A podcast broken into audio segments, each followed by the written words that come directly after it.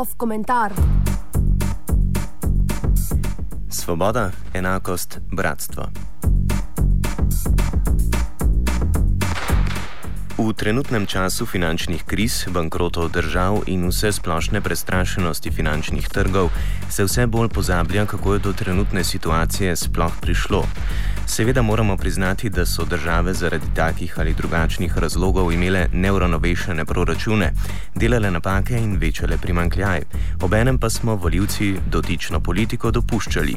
Le tu se nahaja kolektivna krivda za trenutno situacijo. Delujoča demokracija ne pomeni obiska volišča vsaka štiri leta, temveč vsakodnevno udejstvovanje v javno-političnem življenju.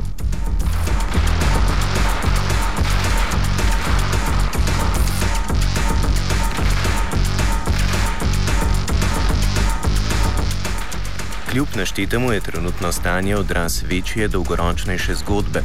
Zametke trenutnega gordijskega vozla lahko iščemo že v izvolitvi Ronalda Reagana v Združenih državah Amerike ter Margaret Thatcher v Veliki Britaniji.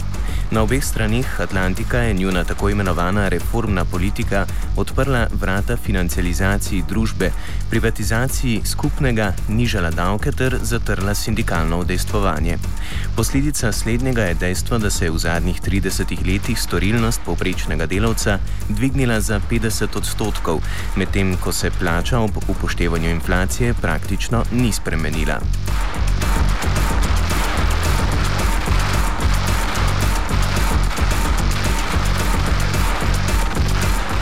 Agar za uspeh Reganove in Tačereve politike je bil kreiran nekaj let prej v Nixonovem mandatu, ko so upustili zlati standard ter pričeli z dobo fiat valut.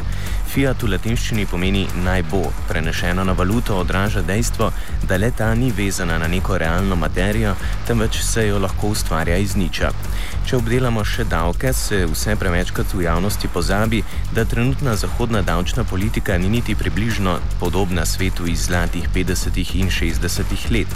Za primer, v dotičnem obdobju je v Ameriki najvišja davčna stopnja na dobiček znašala 90 odstotkov. Šele pod Reaganom je bila znižena na 60. 60 ter pod vladavino Busha mlajšega na 15 odstotkov. V zadnjih 30 letih so ljudje z akumuliranim kapitalom vedno lažje služili dodaten denar, finančna renta torej. Mimo grede, premnogokrat citirani Adam Smith je v svoji teoriji zagovarjal tezo, da se s finančnimi rentniki obračuna nasilno.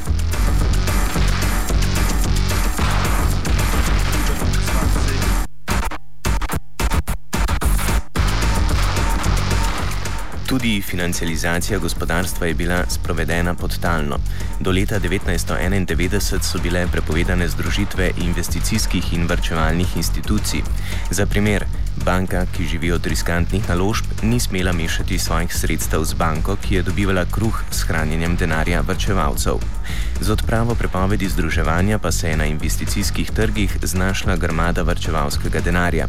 Kot drugi primer katastrofalnosti nereguliranega finančnega trga lahko smatramo tudi finančne derivate, ki so privedli do krize.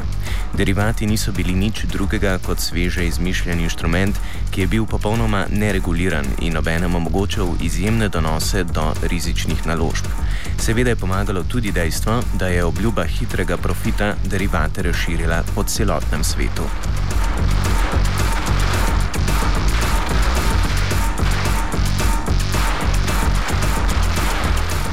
Naštete številke in smernice so večji del, na, se večji del nanašajo na zahodni svet, vendar smo z nosom samostojnosti vstopili v globalno zgodbo, s čimer se moramo sprijazniti. Razrešitev obstoječega stanja je strašljiva naloga. Bruto domači proizvod celotnega sveta znaša okrog 70 bilijonov dolarjev.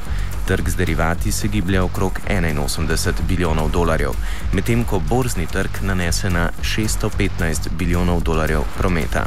Majhne reforme ne bodo zadostovale, potreben je korenit res s preteklostjo.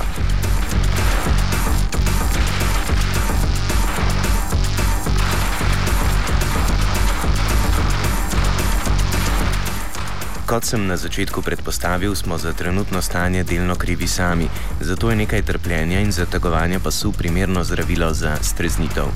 Obenem pa je dvomljiva legitimnost predstavnikov ljudstva, ki od svojih državljanov pričakuje varčevanje, vendar ne odpravlja vzrokov za krizo ter ne kaznuje krivih. Prav tako novodobno delovstvo, bolj ali manj izkoriščanje razred 99 odstotkov, pozablja dejstvo, ki je v prejšnjem stoletju rodilo delovski upor - internacionalno povezanost. Sila izkoriščevanja je namreč, namreč najbolj egalitarna sila na svetu, saj v veliki meri ne pozna spola, barve kože ali etnične pripadnosti. Izkoriščani so večji del vsi, eni bolj kot drugi. Posledično mora biti odpor grejen na solidarnosti in medsebojnem spoštovanju ter zavedanju skupnih ciljev.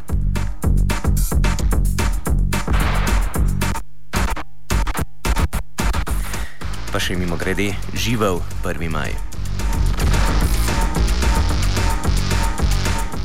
Komentiral je Kožuh. Off, off, off, off, off, off, off komentar.